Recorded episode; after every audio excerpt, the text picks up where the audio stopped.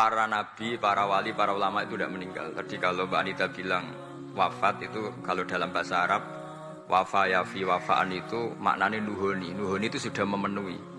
Jadi sebenarnya memang nggak pernah ada orang mati itu. Jadi kita punya jatah umur, jatah rezeki sudah terpenuhi semua. Namanya wafat dari kata wafa yafi wafaan sesuatunya sudah penuh maka diambil. Kalau roh sendiri nggak pernah meninggal. Ya roh sendiri kalau kalau Mbak Anita bilang kita memperingati kehidupan Gus Dur ya memang ya memang hidup karena tadi.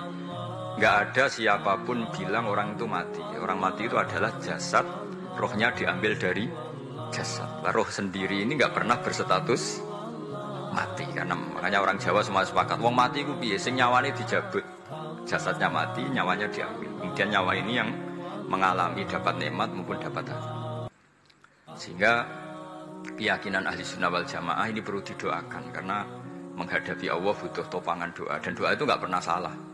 Karena otoritas doa itu milik Allah subhanahu wa ta'ala. Tidak bisa kamu nyemprit Allah. Allah ini sudah akhirat loh. Amal nggak ada gunanya loh. Tidak bisa.